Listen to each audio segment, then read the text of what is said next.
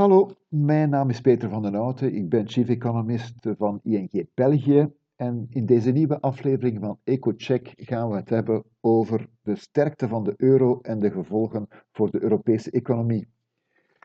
Niemand kan ernaast kijken, sinds februari is de euro flink gestegen, niet alleen tegenover de dollar, maar ook tegenover heel wat andere munten.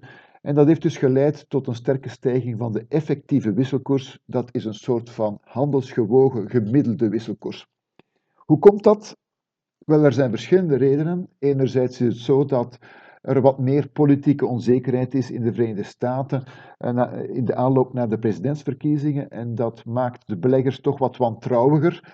Het is ook zo dat de Amerikaanse centrale bank haar monetaire strategie heeft gewijzigd, waardoor zij waarschijnlijk de rente nog veel langer laag zal houden. En in Europa was het zo dat er een akkoord is bereikt door de regeringsleiders over een Europees relanceplan, wat het vertrouwen van beleggers in de euro heeft verhoogd.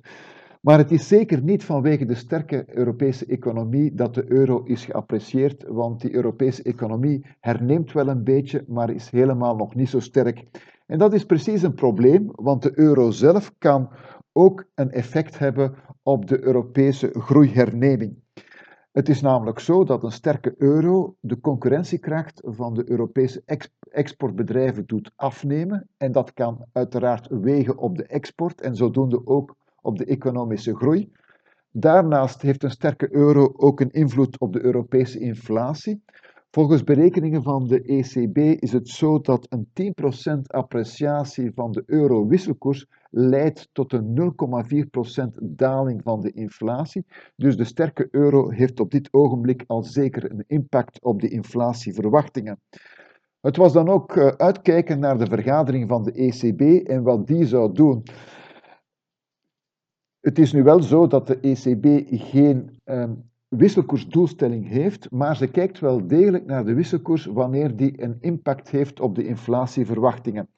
En het was dan ook geen verrassing dat voor het eerst in twee jaar in het communiqué van de ECB melding werd gemaakt van de sterke euro. Dus men heeft er duidelijk naar gekeken. Er is een lange discussie geweest, maar men heeft uiteindelijk niets besloten om die uh, stijging van de euro af te remmen.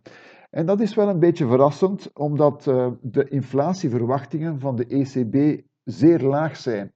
Als je bijvoorbeeld kijkt naar de verwachting voor de onderliggende inflatie, de kerninflatie in de komende twee jaar, wel dan blijven die ruimschoots onder de 2% liggen. Voor 2022 mikt de ECB nu op een, op een kerninflatie van amper 1,1%. Dus het was dan ook merkwaardig dat de ECB niet meer moeite gedaan heeft om de stijging van de eh, euro af te remmen, omdat die toch wel uh, de inflatieverwachtingen verder naar beneden zou kunnen duwen. Waarschijnlijk wil de ECB nog wat meer uh, cijfers hebben, nog wat meer economische data, wil ze nog wat langer wachten.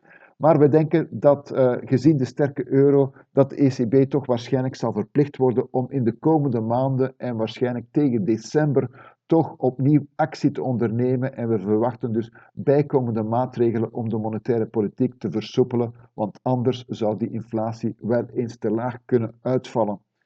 Dat was het voor deze keer. Bedankt om te luisteren en graag tot een volgende keer.